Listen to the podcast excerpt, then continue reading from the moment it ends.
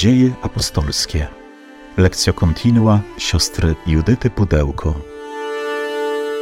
Powracamy do naszej lektury dziejów apostolskich, do tych początków kształtowania się wspólnoty jerozolimskiej e, i dziś przyjrzymy się, jaka była reakcja, jaki był efekt mowy Piotra bo dosyć długi czas sobie czytaliśmy mowę Piotra, dosyć długą. Jeszcze sobie zaraz przypomnimy jej najważniejsze elementy, bo to sobie tak dobrze jest e, ugruntowywać e, to, co słowo nam przynosi. I zobaczymy, co stało się dalej.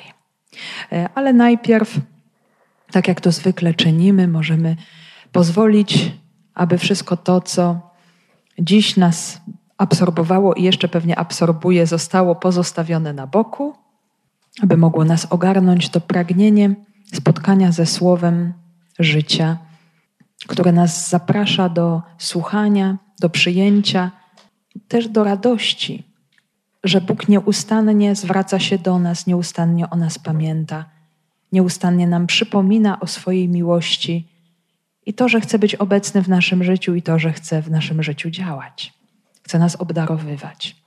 To nieustannie nam powtarza Słowo Boga i fakt, że On do nas mówi. Panie Jezu Chryste, uwielbiamy Cię obecnego pośród nas, uwielbiamy Cię obecnego w tym Słowie, obecnego między nami, między tymi, którzy są Twoim Kościołem, zgromadzonymi w Twoje imię. Prosimy Cię, udzielaj nam Twego ducha, aby Twoje Słowo mogło przynieść w nas obfity owoc. Przyjdź o Duchu Święty, przyjdź mocy Boga i słodyczy Boga. Przyjdź Ty, który jesteś poruszeniem i spokojem zarazem. Odnów nasze męstwo, wypełnij naszą samotność pośród świata. Stwórz w nas zażyłość z Bogiem. Przyjdź duchu z przebitego boku Chrystusa na krzyżu. Przyjdź z ust zmartwychwstałego. Cały czas jesteśmy w początku dziejów, przyglądamy się, jak tworzy się wspólnota jerozolimska, której zalążkiem jest dwunastu, to grono dwunastu uzupełnionych o Macieja, e, jest Maryja, są kobiety, są jeszcze inne osoby, e, czyli razem w sumie 120 osób przebywających w sali na górze i otwierających się na moc ducha. Wszystko zaczyna się w Jerozolimie i wszystko zaczyna się od pięćdziesiątnicy. To jest ten moment narodzin Kościoła, e, już taki bardzo oficjalny, bo wiadomo, że też ten Kościół e, niejako się rodzi już w momencie śmierci Jezusa, w momencie Jego otwartego boku, kiedy wypływa krew i woda. To jest dar Jego wnętrzności, Jego życia, Jego miłości, ale wspólnota uczniów musiała doświadczyć spotkania ze zmartwychwstałym, tej jeszcze formacji dodatkowej, obecności Jezusa, aby móc przyjąć ten dar nowego życia. E, więc e, pięćdziesiątnica, reakcja na pięćdziesiątnicę, mowa Piotra i reakcja tych, którzy słuchali. I co tutaj mamy? Oczywiście wszystko wynika z tego, że stąpienie Ducha Świętego po prostu narobiło dużo szumu. I w przenośni, i dosłownie narobiło dużo szumu. E, duch dał się usłyszeć i dał się zobaczyć jako ogień i jako wiatr, e, ale przede wszystkim też dał się zobaczyć w radości, e, w jakimś ogromnym uszczęśliwieniu, w ogromnym entuzjazmie, modlitwie, śpiewie, wielbieniu tych, którzy tego ducha przyjęli. I wszyscy się dziwią, co to jest, że oni są tacy szczęśliwi i co to jest, że oni mówią tak, że my ich rozumiemy.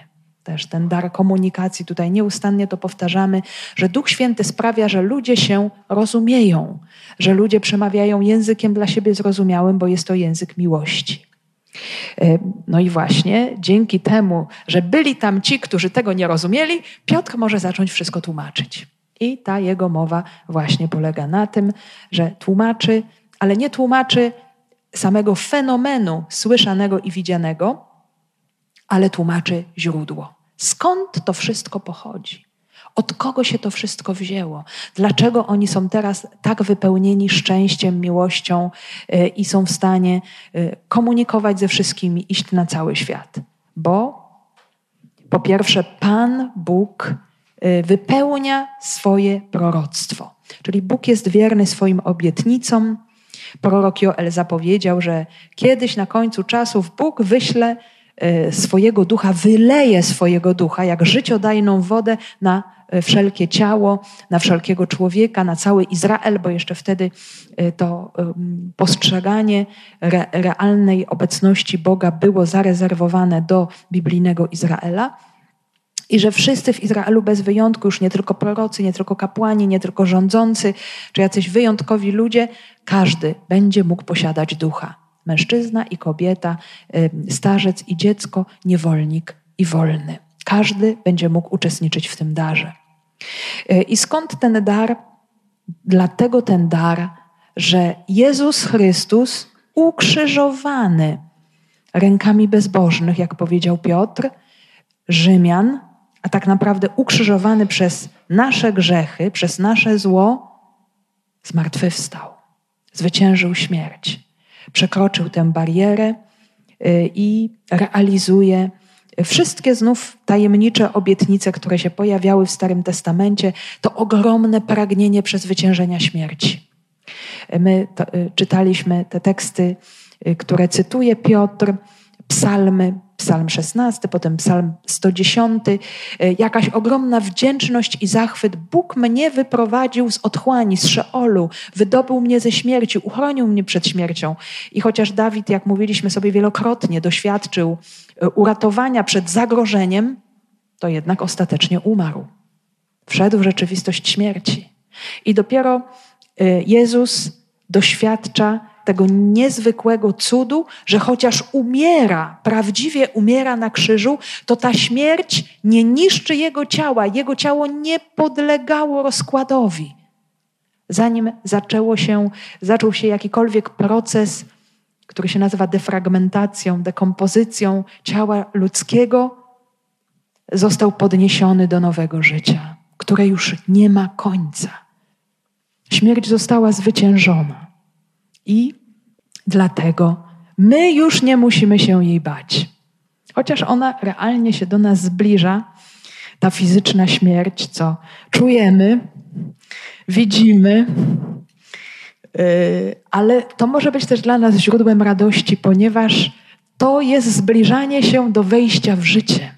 Właśnie w to życie, które tutaj się objawiło i które my odkrywamy coraz bardziej jako chrześcijanie. Yy, dla nas to życie doczesne nie jest wszystkim. Y, te wszystkie aspiracje, które mamy w tym świecie, pragnienia, dążenia, nasze prace, to nie jest wszystko. Tak naprawdę wszystko się dopiero zacznie. I warto już się przygotować, że po prostu będzie się działo. I to bardzo mocno.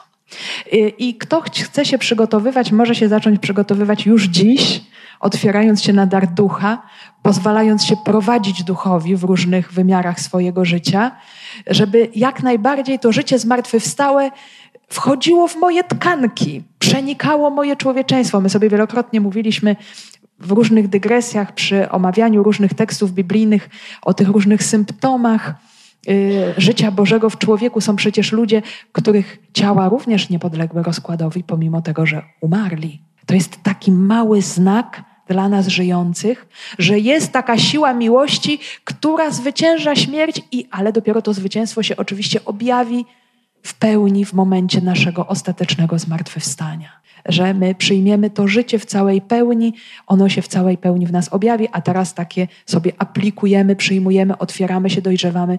I moi drodzy, to jest też bardzo ważne, że do tego życia dochodzi się przez śmierć.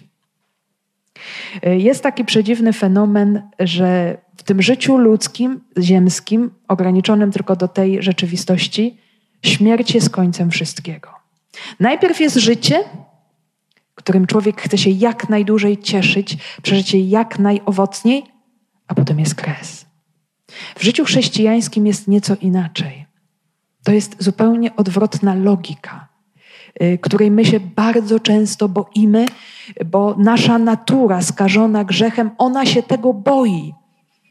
I możemy to w sobie obserwować. Boimy się tego, co nas jakoś kosztuje na tej ziemi, jakiegoś wyrzeczenia, jakiegoś braku, jakiegoś trudu. Chcielibyśmy wielu rzeczy uniknąć. To są też właśnie te różne śmierci, których doświadczamy, śmierci naszego ja.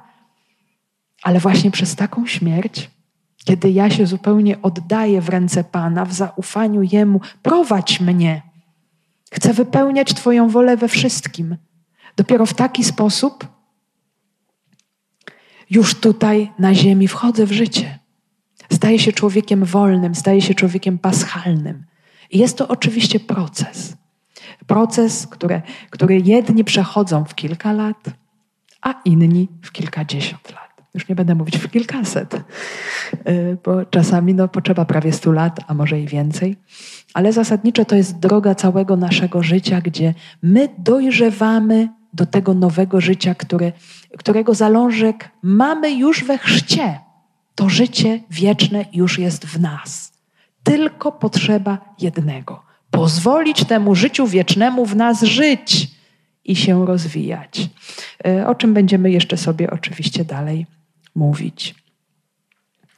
E, więc Chrystus zwyciężył śmierć i to jest źródłem wszystkiego w naszym życiu. Dla chrześcijanina to jest absolutnie wszystko i żadna najbardziej tragiczna, dramatyczna sytuacja, czy wieść, czy nowina nie jest w stanie tego zmienić. Choćby, się, choćby człowiek już wszystko stracił w tym życiu, są ludzie, którzy mają ekstremalnie dramatyczne doświadczenia, e, właśnie mogą się ostać, mogą pozostać w pokoju wtedy, kiedy są głęboko przeświadczeni, że e, są w Chrystusie i że idą w kierunku życia. I Słowo Boże pozwala nam y, nieustannie do tej prawdy powracać, nieustannie ją w nas umacniać, bo oczywiście różne sytuacje y, zewnętrzne w nas nieustannie uderzają i nas bolą y, i nie chcemy tego bólu, tej śmierci doświadczać. Więc Słowo Boże jest tym absolutnie cudownym nośnikiem życia. No i Piotr ogłosił tę prawdę, pokazując wypełnienie się Słowa, pokazując zwycięstwo Jezusa nad śmiercią, y, co było też odpowiedzią Boga na grzech człowieka. To jest niesamowity fenomen, moi drodzy. Jeszcze się za chwilę nad tym zatrzymamy, że na całą przemoc y, grzechu ludzkiego, na całe zło, na odrzucenie miłości Boga objawioną w Jezusie Chrystusie, Bóg odpowiada zupełnie inaczej, niż byśmy odpowiedzieli my. Oko za oko, ząb za ząb. On za zabójstwo swojego syna odpowiada życiem. Odpowiada wyzwoleniem, odkupieniem, usynowieniem nas, przestępców, którzy zabiliśmy jego syna. On mówi: wejdź, usiądź, założę ci koronę na głowę. Jesteś moim dzieckiem. To jest, to jest po prostu to szaleństwo miłości Boga, która absolutnie przekracza wszystko. No i właśnie dochodzimy do tego, jaka była ta reakcja, co się stało później. Po tej długiej mowie Piotra pojawia się jakiś apel, jakieś wezwanie. Z dziejów apostolskich. Gdy to usłyszeli, poczuli się przeszyci do głębi serca. Cóż mamy czynić, bracia? Rzekli do Piotra i pozostałych apostołów. Nawróćcie się, powiedział do nich Piotr, i niech każdy z was przyjmie chrzest w imię Jezusa Chrystusa na odpuszczenie grzechów waszych, a otrzymacie w darze Ducha Świętego, bo dla was jest obietnica i dla dzieci waszych, i dla wszystkich, którzy są daleko, a których Pan Bóg nasz powoła. W wielu też innych słowach dawał świadectwo i napominał: ratujcie się spośród tego przewrotnego pokolenia. Ci więc, którzy przyjęli jego naukę, zostali ochrzczeni i przyłączyło się owego dnia około trzech tysięcy ludzi. Gdy to usłyszeli, poczuli się przeszyci do głębi serca. Cóż mamy czynić, bracia? Rzekli do Piotra i pozostałych apostołów. E, I widać, że ta mowa Piotra nie trafiła w próżnię. E, nie, była bezowocna, od razu pojawia się niesamowity owoc, niesamowita reakcja. Dlaczego? Bo jest to słowo głoszone w mocy Ducha Świętego. Duch Święty ma moc i nie chodzi tutaj o zdolności Piotra, y, bo nie był ani po szkole retorów, y, ani nie był zbyt wykształcony y, i to oświecenie otrzymał od Ducha Świętego, jak należy tłumaczyć pisma i potrafił to mówić z ogromną wiarą i zaangażowaniem.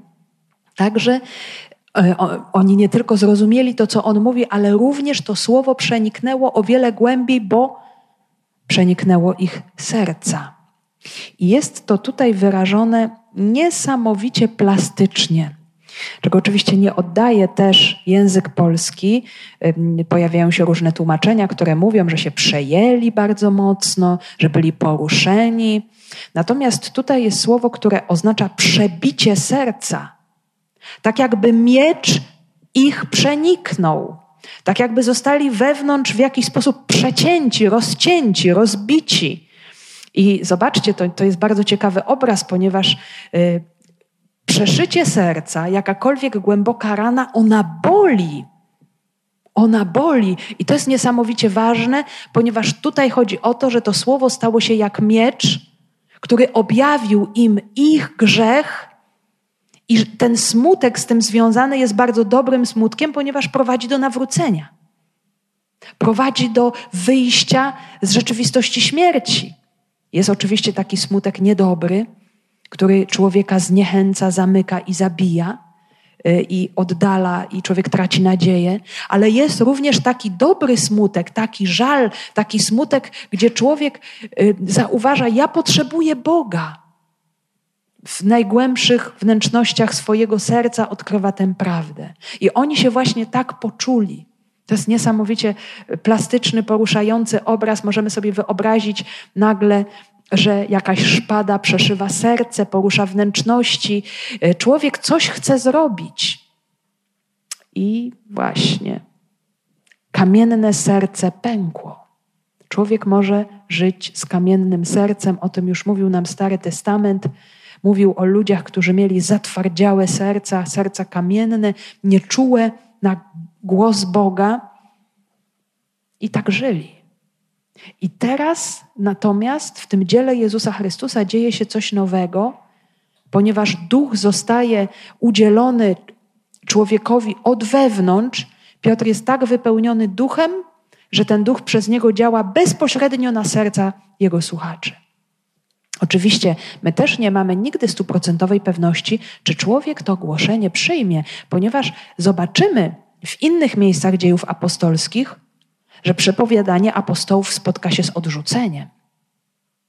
Ale jest również, są również właśnie te bardzo wyraźne znaki mocy działania ducha, gdzie ludzie otwierają się i będzie wiele takich momentów, wydarzeń, w których jeszcze to będziemy oglądać. Czyli, żeby przyjąć dar nowego życia, coś musi pęknąć niejako w człowieku.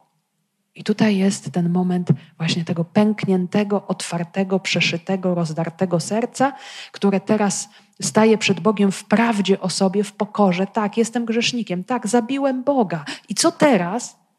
I teraz wystarczy tylko, że powiesz tak i wszystko się zmieni.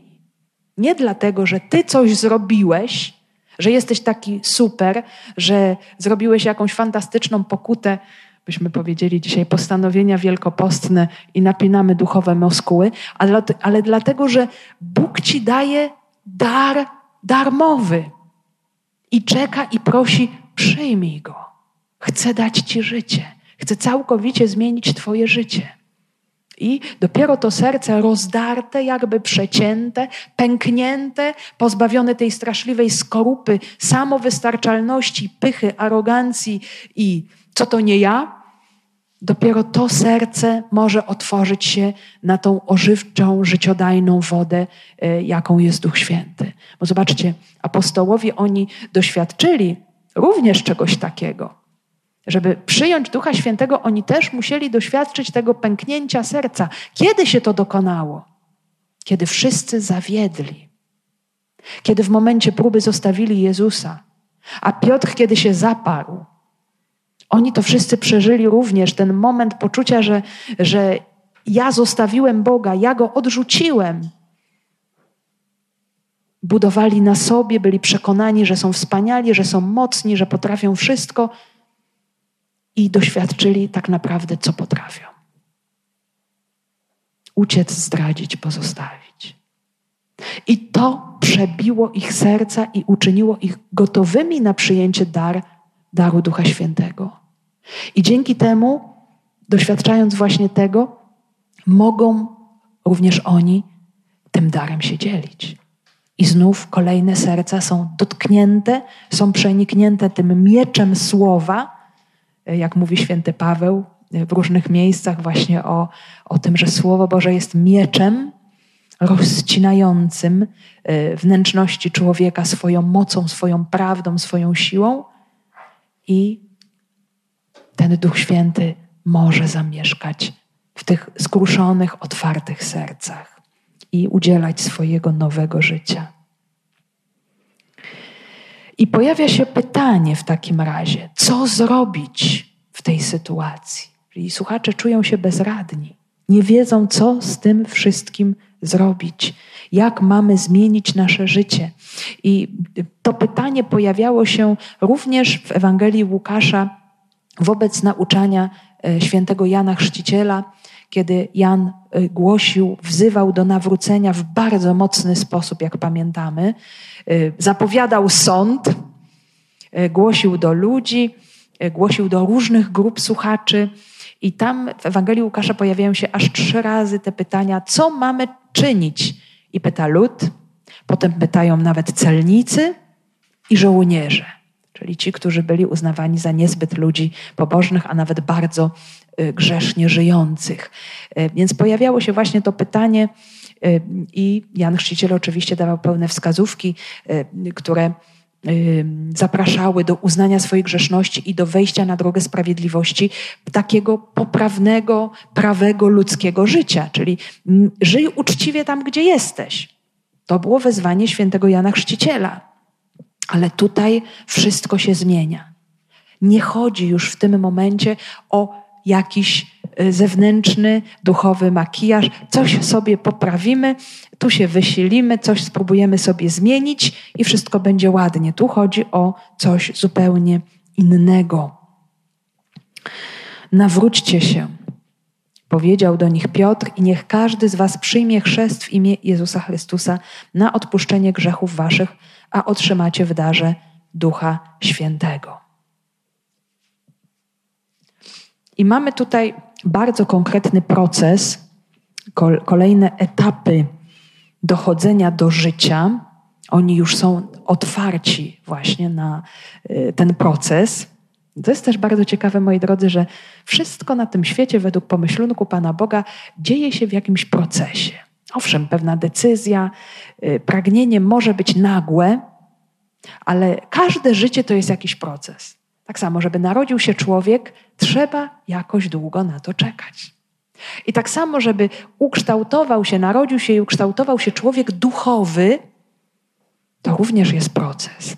I wszystko zaczyna się od nawrócenia. Zaraz sobie jeszcze więcej powiemy, co to jest to nawrócenie. Tutaj mamy użyte greckie słowo metanoje, czyli zmiana myślenia. Y, mm, potem, w związku z tym, w kolejnym kroku, poddanie się zanurzeniu w śmierć i w zmartwychwstanie Jezusa, to jest chrzest, wejście w Jego śmierć, aby wejść do nowego życia razem z Nim. Wtedy się otrzymuje odpuszczenie grzechów i to nowe życie, jakim jest Duch Święty. Ale wszystko zaczyna się od tego numeru jeden, a mianowicie nawróceniu. I generalnie to nawrócenie, jak mówimy o tym w Biblii, zwłaszcza w Starym Testamencie, y, bo lud Izraela był nieustannie wzywany do nawrócenia, on miał, ono miało polegać na tym, że człowiek uznawał swoje zło i podejmował decyzję, że już tak więcej nie będzie robił, że nie będzie już tego powtarzał. Bardzo często też, y, bo to język hebrajski, to nawrócenie wiązało się ze zmianą kierunku chodzenia że człowiek z powrotem wracał na drogę Bożą i chodził Bożymi drogami, czyli chodził drogami prawa Bożego. Czyli łamałem przykazania, a teraz już nie będę ich łamał, to znaczy będę się starał ich nie łamać. Natomiast tutaj chodzi o coś o wiele, o wiele głębszego, bo to chodzi o nie tylko o to, że ja coś będę robił albo czegoś nie będę robił, ale ja w ogóle zaczynam od mojego umysłu, od zmiany mojego myślenia, y, potem reagowania i też działania. Czyli jest to coś o wiele, wiele głębszego, wewnętrznego. I co to znaczy, moi drodzy, ta zmiana myślenia? No bo to jest takie piękne, szumne hasło: należy zmienić swoje myślenie. Y, żeby zmienić swoje myślenie, trzeba odkryć, gdzie w tym myśleniu jest błąd. Gdzie ono jest zafałszowane? Oczywiście można powiedzieć w bardzo wielu rzeczach. Moje myślenie jest niewłaściwe, moje reagowanie wewnętrzne jest niewłaściwe, e, bo e, dużo rzeczy, zobaczcie, oceniamy przez pryzmat e, swojego postrzegania rzeczywistości, nawet i samych siebie, i drugiego człowieka, i fakty, które się dzieją. Jest to niesamowicie subiektywne. Więc tutaj moglibyśmy się rzeczywiście rozpraszać na bardzo wiele różnych małych yy, błędów w myśleniu i w postrzeganiu różnych rzeczy i nie wiedzielibyśmy zasadniczo od czego zacząć. A warto zacząć od rzeczy absolutnie najważniejszej i podstawowej, czyli od tego, jaki mamy obraz Boga w naszym myśleniu. To jest absolutne źródło wszystkiego. Dlaczego? Bo w ten sposób wszystko się popsuło z nami. To jest, moi drodzy, upadek pierwszych rodziców, cudownie, plastycznie opisany w Księdze Rodzaju, rozdział trzeci. Od czego się zaczął grzech? Od tego się zaczął grzech, że zły duch, który się objawił w postaci węża, demon, wmówił człowiekowi, że Bóg jest zły. I w związku z tym człowiek musi sobie poradzić ze wszystkim sam. A jeszcze najlepiej, jakby robił wszystko odwrotnie niż Bóg mówi.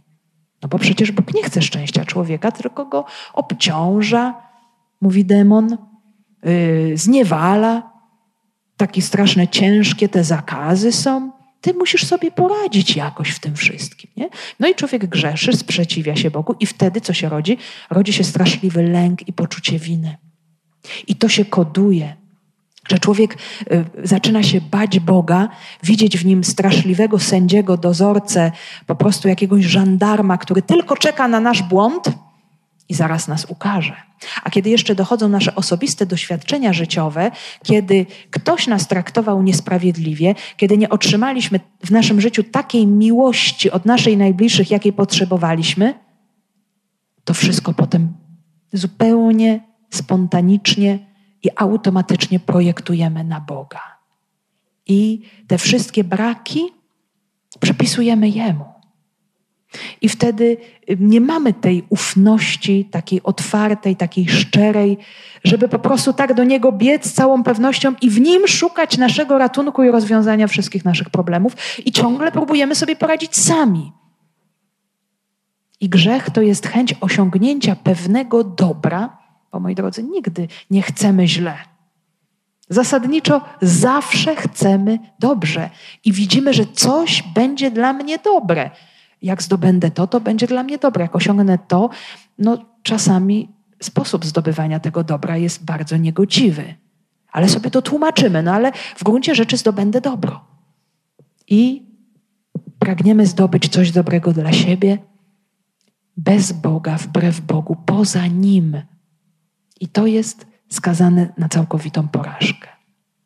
Po pewnym czasie, szybszym albo wolniejszym, odkrywamy, jaka ta porażka jest wielka. Że nie możemy sobie bez niego poradzić, a decydując wbrew jego woli, wybieramy śmierć. No i, i po prostu ta spirala się coraz bardziej y, pogłębia, bo potem jest nam trudno wrócić, bo coraz bardziej się boimy. Im bardziej człowiek odrzuca Boga, tym bardziej się boi, tym bardziej jest, żyje w ogromnym napięciu i ciągle coraz bardziej próbuje sobie radzić sam. I w końcu przychodzi to zaproszenie, koniec. Przecinamy ten sposób myślenia. W jaki sposób to się dzieje? Dzieje się to w taki sposób, kiedy się patrzy na krzyż Chrystusa. Tak Bóg Cię kocha. W taki sposób Bóg Cię kocha. Ty go zabijesz tysiące razy, a On Ci po raz kolejny wyzna swoją miłość. I moi drodzy, to, co zmienia człowieka, to miłość. Nie prawo, nie nakazy, nie moralność, że musisz, musisz żyć przyzwoicie, musisz się starać, musisz się zmienić, bo tak nieładnie, bo tak brzydko, nieelegancko, yy, co, co ludzie powiedzą, co pomyślą. Jak słyszymy takie argumenty, to robi nam się słabo. I nie, nie, to jest nie dla mnie. Ja nie mogę żyć w kościele, to jest nie dla mnie. I, i faktycznie to zupełnie nie zmienia nic w człowieku. Może zmienić na chwilę, na dłuższą czy krótszą chwilę. I to też odkrył święty Paweł, gdy odkrył, prawo nie jest w stanie mnie wyzwolić z udręki grzechu. Dopiero Syn Boży, który ten grzech mój na siebie wziął i moje wszystkie grzechy są już odkupione. I ta miłość, która jest po prostu ekstremalnie wielka. Być może też nam jest trudno w to uwierzyć i to przyjąć tak na dzień dobry, bo mamy inne doświadczenia życiowe. I czasami może nawet niektórym z nas może być trudno zrozumieć słowo miłość.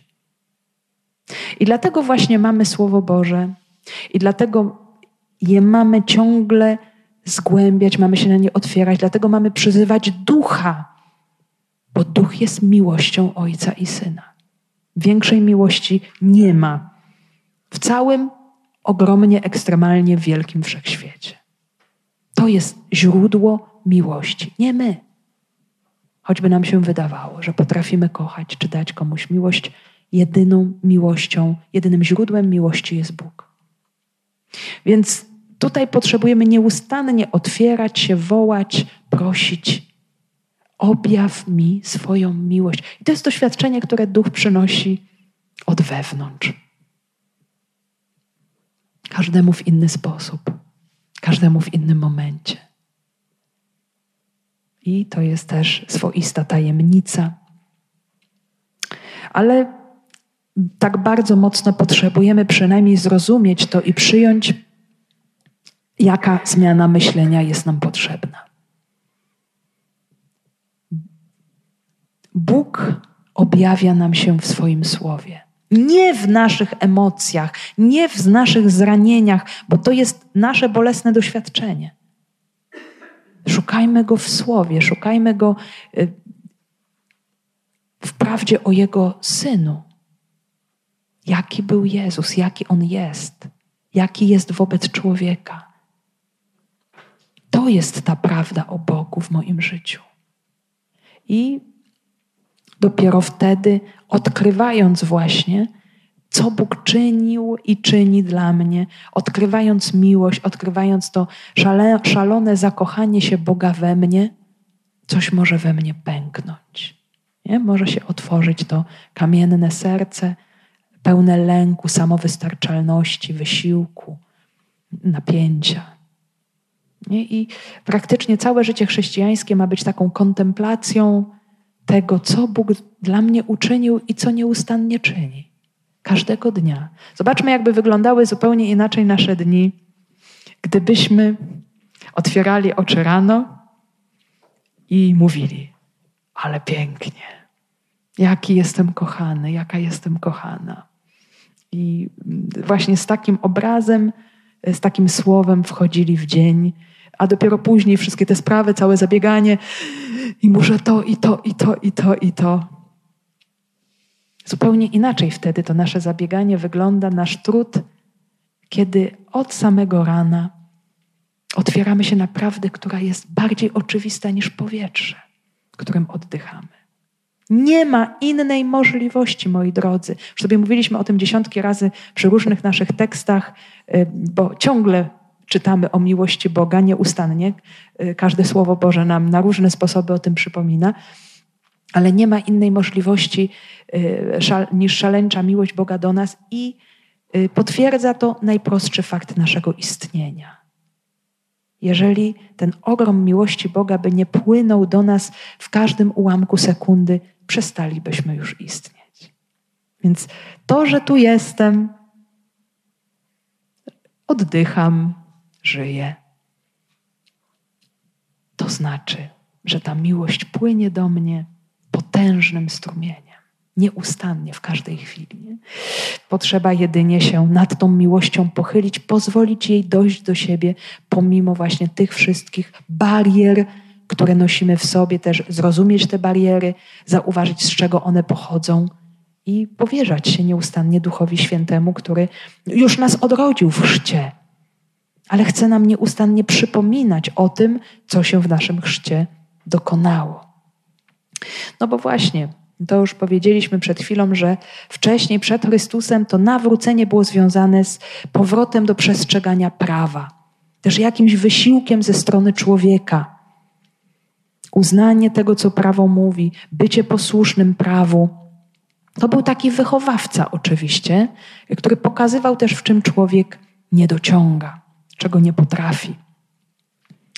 Teraz już jest zupełnie inaczej, ponieważ zobaczmy, kiedy Jezus w Ewangeliach synoptycznych rozpoczął swoją publiczną działalność, rozpoczął je od słów właśnie metanojeite, czyli nawracajcie się, ale od razu zaraz dodaje i wierzcie w Ewangelię. To jest też bardzo ciekawe połączenie, czyli nie ma nawrócenia i metanoi bez wiary. I to już nam też podpowiada, e, czy bardziej uszczegóławia to, o czym mówiliśmy przed chwilą. A mianowicie ta prawda o Bogu kochającym, zbawiającym człowieka, niosącym człowieka na swoich rękach, troszczącym się o człowieku, ona może być przyjęta tak w całej pełni w wierze.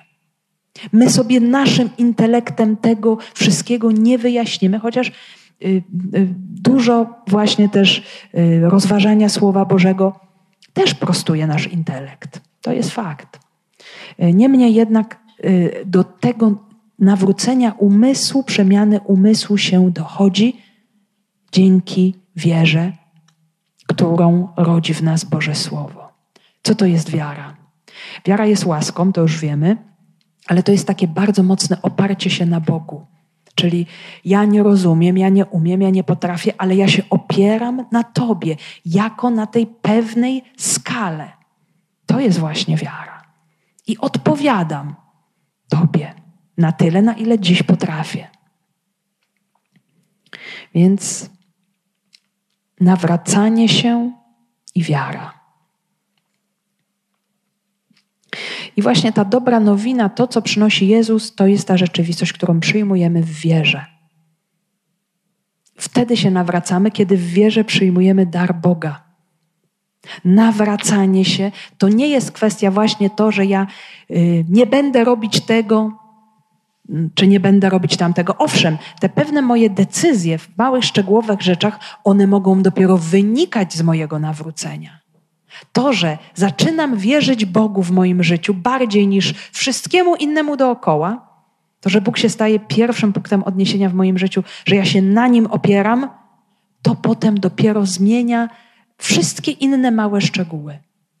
Nie? Ale to nie jest tak, że nawrócenie się to jest zmienienie tylko i wyłącznie swoich zachowań zewnętrznych.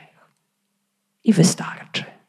Nie, bo, bo my zaraz do tych zachowań wrócimy. To naprawdę nie ma się co łudzić. Myślę, że już doskonale to widzimy, jak to jest z tymi postanowieniami.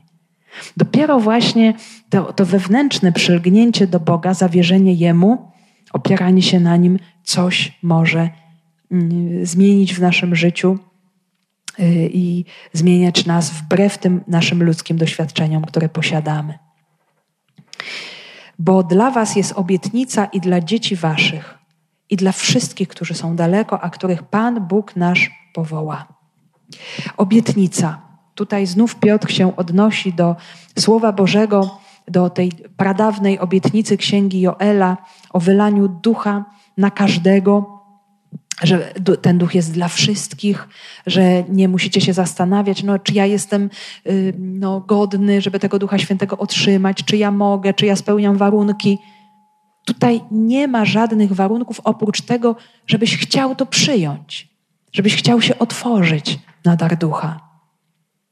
E, I to jest obietnica dla Was i dla Waszych dzieci, czyli nie tylko Ty, który tutaj stoisz i to fizycznie słyszysz, dostaniesz ducha, a już inni, którzy się ze mną nie spotkają, no to już tego ducha nie dostaną. Dla Was i dla dzieci Waszych, czyli dla każdego, kto w czasie historii trwania Ziemi otworzy się na Słowo Boże i na dar ducha.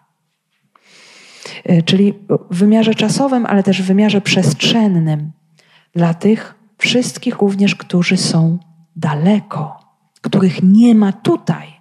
Dla Ducha Świętego nie ma ani problemu czasowego, ani problemu przestrzennego. E, zobaczcie, to jest właśnie niesamowita rzecz, którą ja się nieustannie zachwycam i nie mogę się przestać zachwycać, że to, co się dokonało raz jeden mm, mm, w śmierci i zmartwychwstaniu Jezusa, to dzięki Duchowi Świętemu się dzieje bez przerwy w naszym życiu chrześcijańskim. W głoszeniu słowa, w sprawowaniu sakramentów Kościoła. To się dokonuje. Ta krew Chrystusa płynie na nas obficie. Oczywiście to się dokonuje w wymiarze duchowym, sakramentalnym, kiedy się spowiadamy, kiedy przyjmujemy Chrystusa w Eucharystii, we wszystkich sakramentach jest nam aplikowana łaska i to wydarzenie śmierci i zmartwychwstania Jezusa. Bo już sobie powiedzieliśmy ostatnio, tam gdzie jest Duch Święty, i to jest tak samo stuprocentowa pewność, tam się dokonuje rzeczywistość zmartwychwstania Jezusa, Jego zwycięstwa nad śmiercią. Bo to jest dar, który wynika ze zmartwychwstania. Duch nie mógł być udzielony dopóki Chrystus nie został uwielbiony. Tak mówi nam Ewangelia Janowa. Więc zawsze, kiedy ten duch stępuje, kiedy on działa w kościele w momencie chociażby chrztu, konsekracji, bierzmowania i wielu, wielu innych y, momentów, kiedy go przyzywamy, kiedy się objawia w swoich łaskach i charyzmatach, Chrystus zmartwychwstaje i my doświadczamy jego zmartwychwstania. To jest to. Nam się może wydawać, że coś tu się dzieje zewnętrznie i co to znaczy, to już mogę sobie mówić, a Chrystus wstaje i dlatego ja doświadczam nowego życia. On mnie w to życie włącza. Ja w nim mogę uczestniczyć. To jest, moi drodzy, kontemplacyjne przeżywanie swojego życia, kiedy w tych wszystkich zewnętrznych okolicznościach widzimy więcej niż tylko to, co dostrzegalne dla oczu i przeżywamy więcej. To jest właśnie ten dar. Obietnica dla tych, którzy są blisko i daleko, dla tych, którzy żyją dziś i którzy żyją po wielu, wielu wiekach. Zobaczmy, my się też włączamy w te słowa wypowiedziane przez Piotra. My jesteśmy tymi potomkami i my jesteśmy tymi, którzy żyją daleko. I nas Bóg powołał do tego nowego życia. Wiadomo, że Piotr jeszcze tego nawet nie rozumie do końca. On jeszcze nie wie, jaki Pan Bóg miał szalony pomysł, że chce włączyć nie tylko Izraela, ale wszystkich, absolutnie wszystkich. On ma tu już przeczucie, że ten plan Boży no, no będzie tak, z takim wielkim rozmachem tutaj dokonany. Pan Bóg wszystkich Żydów z diaspory obdaruje swoim duchem. Na razie Piotr ma taki punkt widzenia, ale przeczytajmy jeszcze kilka rozdziałów dziejów apostolskich i Piotrowi również otworzą się oczy ze zdumienia, jak będzie widział, co Duch Święty zaczyna robić. Więc trzeba też właśnie przejść pewną drogę, żeby te drogi Ducha zrozumieć. Na razie e, widzi on to działanie Ducha w ramach narodu wybranego.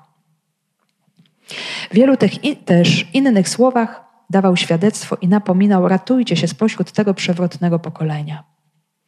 E, czyli widzimy, że Y, Łukasz nie daje nam tutaj absolutnie wszystkich słów, że to nie jest właśnie coś, co zostało dosłownie przepisane z mowy Piotra. Oczywiście te jego słowa zostały też obrobione, zredagowane, dostosowane do tego dzieła pisanego, jakie przygotował nam Łukasz, ale Piotr mówił o wiele więcej. I co zawierały te jego słowa? Przede wszystkim to było świadectwo i napominanie. I to jest też bardzo ważne, ponieważ świadectwo to jest podzielenie się samym sobą, swoim życiem. I jak wiemy, Piotr miał się czym dzielić. Jego doświadczenie Jezusa było niesamowicie dynamiczne, bo Jezus był jego największym przyjacielem, a Piotr okazał się największym zdrajcą. który się zaparł, który mówił, że pozostanie do końca, odda życie. I się zaparł i doświadczył potem miłosierdzia i mógł o tym miłosierdziu doświadczonym świadczyć tym wszystkim ludziom. Nie bójcie się, bracia i siostry. Skoro ja, taki zaprzaniec, otrzymałem miłosierdzie, o ileż bardziej wy je otrzymacie, którzyście tego Jezusa nie znali tak dobrze jak ja. Więc nie wiemy, czy tak wyglądały jego słowa. W każdym bądź razie dawał świadectwo. Mówił o swoim doświadczeniu i napominał. Tutaj to napominanie jest bardzo piękne i ciekawe, ponieważ Łukasz używa nam greckiego słowa parakaleo. E, już mówiliśmy o tym słowie przy okazji Ewangelii Jana. Od tego słowa pochodzi również paraklet, czyli Duch Święty, czyli pocieszyciel, czyli obrońca, czyli adwokat. I chodzi tutaj o takie napominanie, które jest taką ogromną prośbą, też wstawianiem się za ludźmi, e, taką pracą obrońcy w sądzie, że Piotr wszystko robi, żeby tych ludzi doprowadzić do zbawienia, żeby ich obronić, żeby ich właśnie e, pozwolić im się spotkać z tym najwspanialszym adwokatem, jakim jest Duch Święty, który nas broni przed naszym grzechem, przed nami samymi i przed tym, który jest oskarżycielem, przed demonem. Duch Święty jest właśnie takim sądowym obrońcą, który stoi przy nas i niewzruszenie chce nam przypominać o miłości Boga do nas. Kiedy my chcemy y, działać po swojemu i wybierać dobro wbrew Bogu, ten cichutki głos Ducha Świętego, on nieustannie chce nam przypominać, jak adwokat w sądzie do ucha nam szeptać, ale on cię kocha, ale on chce dać ci życie. Pamiętaj o tym. Nie wybieraj tego, co cię zabija. Więc tak Duch Święty działa i Piotr też próbuje y, z całą siłą przekonania i mocą tegoż ducha właśnie y, przybliżać swoich słuchaczy do życia. Y, I tutaj jedynym właśnie zbawicielem jest Bóg, jak sobie powiedzieliśmy, i to zbawienie jest czystym darem. I Piotr mówi: ratujcie się. Czy dosłownie byśmy mogli też przetłumaczyć: bądźcie uratowani. E, tutaj jest użyty czasownik sodzo, od tego jest soter, czyli zbawiciel, zbawca. Bądźcie zbawieni, bądźcie uratowani spośród tego przewrotnego pokolenia. E, zwróćmy uwagę też, że przewrotne pokolenie, e, ten obraz nam się pojawia często w Ewangeliach, to byli ludzie, którzy odrzucali przyjście Boga w Jezusie. Ci, którzy żądali znaków, ci, którzy odrzucali ewidentne działania Boga, ci, którzy mieli po prostu zatwardziałe serca. Ciągle żądali znaków, i żadnego znaku nie chcieli przyjąć. No to jest bardzo, bardzo trudna sytuacja. Ale serca słuchaczy Piotra zostało przebite. Zostało wyrwane niejako z tej udręki zatwardziałości, tej przewrotności i mogą teraz oni się z tego wydobyć, mogą zostać wydobyci y, z tej straszliwej postawy, która wiedzie ku śmierci.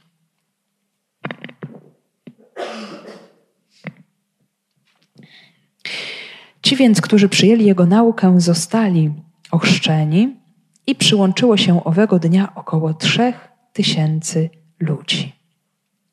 Y, to już jest takie podsumowanie końcowe, y, więc y, słuchacze otwierają się, przyjmują tę naukę, te zalecenia Piotra, otwierają swoje serca na wiarę i to się wszystko wyraża w przyjęciu chrztu, chrztu w imię Jezusa czyli zostali zanurzeni w Jego mękę, śmierć i zmartwychwstanie. Właśnie to polanie wodą w imię Jezusa łączy z Nim w sposób nieodwołalny, nieodwracalny. Człowiek zostaje z Jezusem y, złączony. No właśnie, czy było ich dokładnie trzy tysiące? Taka bardzo okrągła liczba może nas tutaj zastanawiać. W Jerozolimie mogło być wówczas, tak się szacuje, od 20 do 80 tysięcy ludzi. To jeszcze zależy kiedy, jakie to były święta. Tu mamy pięćdziesiątnice, to też święto pielgrzymie. Też mogli być jacyś ludzie przybywający z różnych stron. E, oczywiście to nie była Pascha, bo Pascha była najbardziej oblegana. Niemniej jednak nie mamy pewności, czy tych ludzi było aż trzy tysiące, czy było pięć osób mniej, czy było dziesięć osób więcej. Więc e, jest to, możemy powiedzieć, też taka liczba bardzo zaokrąglona, przez którą jednak Łukasz chce nam powiedzieć, że tych ludzi było bardzo wielu. Że Duch Święty zadziałał z rozmachem, że było to jakby potwierdzenie również dla samego Piotra i pozostałych obdarowanych duchem, że to ten duch działa. Że to nie ty, biedaku, który tutaj krzyczysz może do tych ludzi, wołasz, nauczasz, może cię nawet nie wszyscy słyszą z tego wielkiego tłumu, ale tym, który naprawdę przemawia do serca człowieka, jest Duch Święty. Więc jest to taka pieczęć Bożego prowadzenia, pieczęć błogosławieństwa Bożego, która się zawsze w jakiś sposób objawia w obfitości. Oczywiście będą też momenty próby i takiego niepowodzenia apostolskiego, gdzie zwłaszcza Paweł będzie tego doświadczał, będzie wyrzucany z różnych miejsc, zwłaszcza z synagog w Azji Mniejszej czy w innych miejscach, y, ale Duch Święty robi swoje, tak czy inaczej. Y, czyli ci ludzie zostali ochrzczeni, weszli w skład wspólnoty, ale co ciekawe, nie jest tutaj nic powiedziane, y, w jaki sposób otrzymali ducha. W innych miejscach dziejów apostolskich będziemy o tym czytać, jak Piotr kładł ręce, czy apostołowie kładli ręce y, na ludzi i oni otrzymywali dar Ducha Świętego. Tutaj w ogóle nie jest to powiedziane i nie jest też powiedziane, w jaki sposób ten duch się zaczął w tych ludziach objawiać. Jakie były przejawy działania tego ducha. Co ciekawe, y, na sam koniec drugiego rozdziału, co przeczytamy też niebawem, pojawi się takie streszczenie już y, podsumowujące całe to wydarzenie nawrócenia i powiększenia się wspólnoty jerozolimskiej. Y, Łukasz pokaże nam, czym się charakteryzował styl życia pierwszej wspólnoty, jak oni żyli.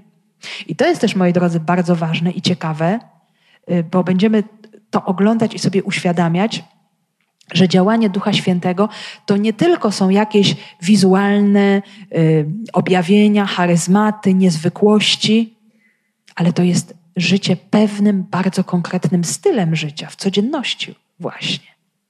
I w taki sposób zaczyna żyć wspólnota chrześcijańska, właśnie dlatego, że tego ducha otrzymała.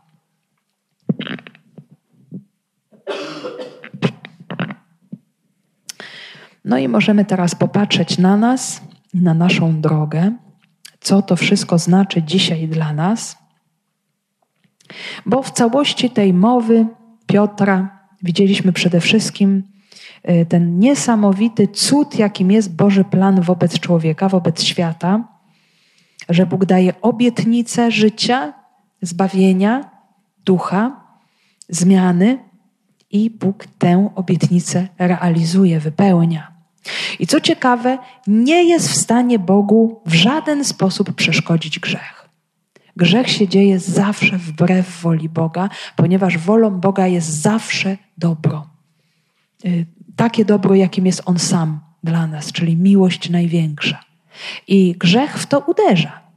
To jest cena wolności, którą Bóg nam dał i nam jej nigdy nie odbierze. Chociaż bardzo y, Bóg by chciał, żebyśmy go wybierali, nie dlatego, że to jest jemu do czegoś potrzebne, ale chce po prostu nam w sposób bezinteresowny dawać życie, ale nigdy nam tej wolności nie odbierze. A z drugiej strony, nawet to złe wykorzystanie naszej wolności i tak Bogu nie zniweczy jego planu. Po prostu Bóg zrobił to w sposób absolutnie genialny, wtedy, kiedy y, ludzie, czy możemy tak powiedzieć, my zabiliśmy jego syna, on jeszcze przez to nas zbawił. Więc wyprowadził największe dobro z największego zła. Tylko tak Bóg potrafi. I to jest właśnie ta niezwykła realizacja Jego planu, gdzie Bóg na grzech, na zło odpowiada miłością i odkupieniem. I to jest właśnie dobra nowina, e, która przeszywa serce, otwiera serce, rozbija system całkowicie. E, odpowiedzią na zło ze strony Boga jest miłość nie zło. Zła się nie zwycięża złem. Chociaż czasami tak spontanicznie w człowiekowi to się rodzi, taka odpowiedź, taki odwet może właśnie. To jest ten stary człowiek, który mieszka w nas, oko za oko, ząb za ząb. Ty mi tak, to ja ci tak. A odpowiedź Boga jest inna. Odpowiedzią na Twój grzech jest moja miłość jest ocalenie Ciebie, bo inaczej sobie nie poradzisz w żaden sposób. Y, więc to Piotr starał się nam przekazać w swojej mowie. Y, no i co to dla nas znaczy? My dziś możemy otworzyć się na słowo, które przeszywa jak miecz. Czy jest coś w moim sercu, co musi być jeszcze rozbite? Jakieś zamknięcie, czy jest jakaś przestrzeń mojego życia, które domaga się jeszcze dotknięcia przez łaskę? Czy jest we mnie jakaś niewiara, niepewność, niewłaściwy obraz Boga? W którym miejscu Pan pragnie dotknąć i wstrząsnąć moim sercem? Żeby było przebite, żeby było przecięte, żeby było gotowe przyjąć życie, czyli ducha. W tym celu ta operacja na otwartym sercu się dzieje. Ta niezwykła Boża kardiologia właśnie w ten sposób się dokonuje, aby dać życie. I im bardziej odkrywamy nasze skamienialiny wewnętrzne, tym więcej Bóg cudów może uczynić z nami. Nie, dla Niego nie ma problemu. On jest absolutnym mistrzem świata w ratowaniu, w reanimacji wszelkich naszych śmierci, udręk i mm, niemocy. Co mamy czynić? Możemy się też w tym pytaniu odnaleźć, co mamy czynić. My już ochrzczeni, odnowić w sobie ten dar. Uświadomić sobie ten dar, kim my jesteśmy, co my posiadamy, jak bardzo jesteśmy obdarowani. Choćbyśmy, moi drodzy, wszystko w naszym życiu stracili, y, ta świadomość tego, kim jesteśmy jako chrześcijanie, zmienia totalnie wszystko. Nie wszystko w tym życiu możemy stracić, byle nie Chrystusa i wiarę w Niego. To jest, to jest zasadniczo podstawa. Nie? Więc mm, to właśnie duch ma nam przypominać i my mamy mu na to pozwalać. Pozwalać duchowi, aby nieustannie przypominał nam w naszych sercach, jak bardzo jesteśmy kochani. Obudzić w sobie łaskę Chrztu Świętego, obudzić w sobie to nowe życie, które nosimy, ale które chce w nas dojrzewać i chce w nas dochodzić do pełni. I oto dziś prośmy, przyjmując, rozważając to słowo o przebiciu serca, o odpowiedzi, o nowym życiu, które się rozlało w wielu mieszkańcach Jerozolimy. Poprośmy i my o umocnienie, odnowienie tego daru i kto może, zapraszam na krótką adorację.